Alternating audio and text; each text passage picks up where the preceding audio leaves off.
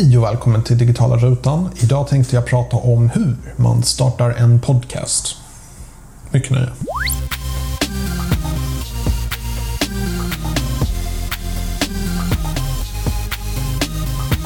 Eh, en podcast är, om ifall du inte känner till begreppet, det är ungefär som att ha en radiokanal där du i princip har någonting som spelar in ljud, en telefon eller en, eh, eller en sån här ljudinspelare. Och du pratar helt enkelt och det kan handla om precis vad som helst. Det kan vara en personlig podcast där du pratar om dig själv. Eller det kan vara ungefär som mitt, då man pratar om teknik och prylar och så. Eh, när jag började med podcast så var det väldigt nytt för mig, som var väldigt teknikfrälst och jag, jag, jag har alltid känt att en podcast liksom är väldigt retro på något sätt. Det är bara ljud. Det finns ingen 4K i en podcast. Så det var absolut ingenting som jag var intresserad av. Ehm, men jag såg att det fanns väldigt stora fördelar om det, vilket jag har gjort en, ehm, ett avsnitt om. Men det här avsnittet handlar om hur man går tillväga för att starta en podcast. Första vad du behöver är att, och då, jag, jag börjar med det absolut enklaste, men du kan investera i en bra eh, mikrofon och en bra ljudinspelare. Eh, jag skulle helt enkelt faktiskt börja med att du börjar podcasta med din telefon. Eh, och Det finns många sätt att nå ut till podcastsfären. Jag skulle naturligtvis såklart rekommendera att man först lyssnar lite grann hur andra podcasters eh, gör innan man själv börjar. Eh, men du börjar med telefonen och jag skulle det här är bara mitt tips och mina idéer. Jag har provat på alla podcast-appar och sett och jag tycker det bästa och billigaste alternativet är Anchor.fm. Eh, jag har som sagt en egen podcastkanal, anchor.com eh, .fm slash digitala rutan. Och det är i princip alla mina YouTube-videon där jag för över ljudet till även podcasten. För det är det min, min YouTube-kanal är i princip en podcast fast med bild. Eh, så jag hade rekommenderat eh, Anchor.fm. Eh, främsta anledningen för att det är helt gratis och det finns ingen begränsning på hur mycket du kan ladda upp. Och så är det fruktansvärt enkelt att använda. Du hittar ingen app som är enklare att använda när det gäller podcast. Du startar den i princip och trycker på rec. Och så spelar du in din podcast.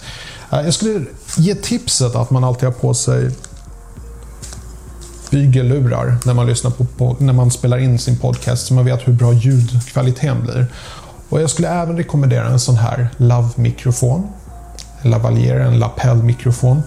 Um, det fångar verkligen ljudet i rösten och inte så mycket runt om. Men man kan som sagt köra bara så här och bara prata in i telefonen. Det funkar alldeles utmärkt också. Det finns ju faktiskt trots allt väldigt bra mikrofoner i våra smartphones idag. Så det finns egentligen ingen anledning att inte använda dem. I alla fall till en början, innan man börjar investera tusen lappar i eh, podcastutrustning. Eh, om du nu ska använda en iPhone till att spela in så kan du gå in direkt in i appen Anchor.fm.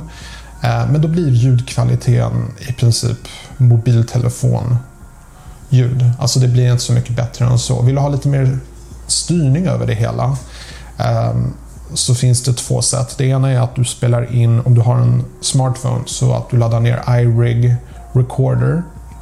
Eh, det är en app där du kan spela in ljud och video. Och Du kan även tweaka ljudet i efterhand. Ställa in allt möjligt, EQ, eh, du kan ta bort bakgrundsljud och sånt. Det är en väldigt bra app. Den är gratis men sen för att få tillgång till precis alla verktyg som finns i appen så får man betala extra. Eh, ett mer prisvänligt alternativ är att du spelar in allting på datorn eller för över din, ditt ljud från telefonen till din dator. Eh, och så lägger du in ljudfilen i ett gratisprogram som heter Audacity. Det är i princip alla podcasters som känner till det och använder det. Där har du alla möjliga inställningar. Eh, så det skulle jag definitivt rekommendera att man gör. Och man kan ladda upp sina ljudfiler till Anchor.fm genom datorn också.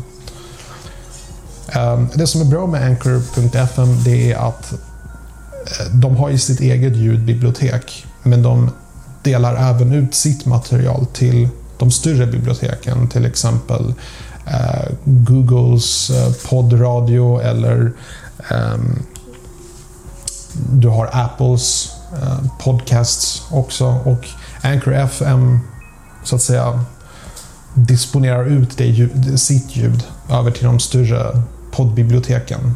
Helt gratis och väldigt enkelt. Det kräver inte så mycket att man gör så mycket själv. Eh, och som sagt, det finns många bra alternativ. Alla har sina fördelar och nackdelar. Men jag kan inte se något bättre alternativ än Anchor.fm. För att det, som sagt, det är gratis. Och i det ingår att du kan spela in hur mycket du vill. Det finns inga begränsningar som det finns på många andra. Eh, och det är fruktansvärt enkelt att använda. Så jag skulle definitivt rekommendera Anchor.fm. Så att eh, det var allt jag hade för den här episoden.